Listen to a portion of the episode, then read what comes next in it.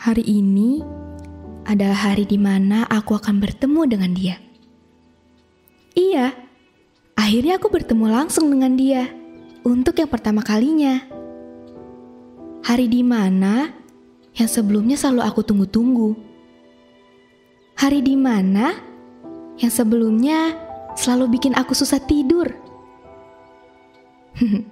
Tapi nyatanya sekarang menjadi hari di mana yang tidak aku inginkan.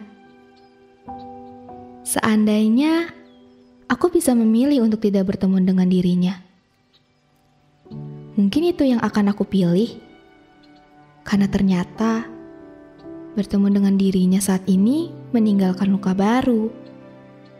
Padahal luka lama saja belum sepenuhnya sembuh.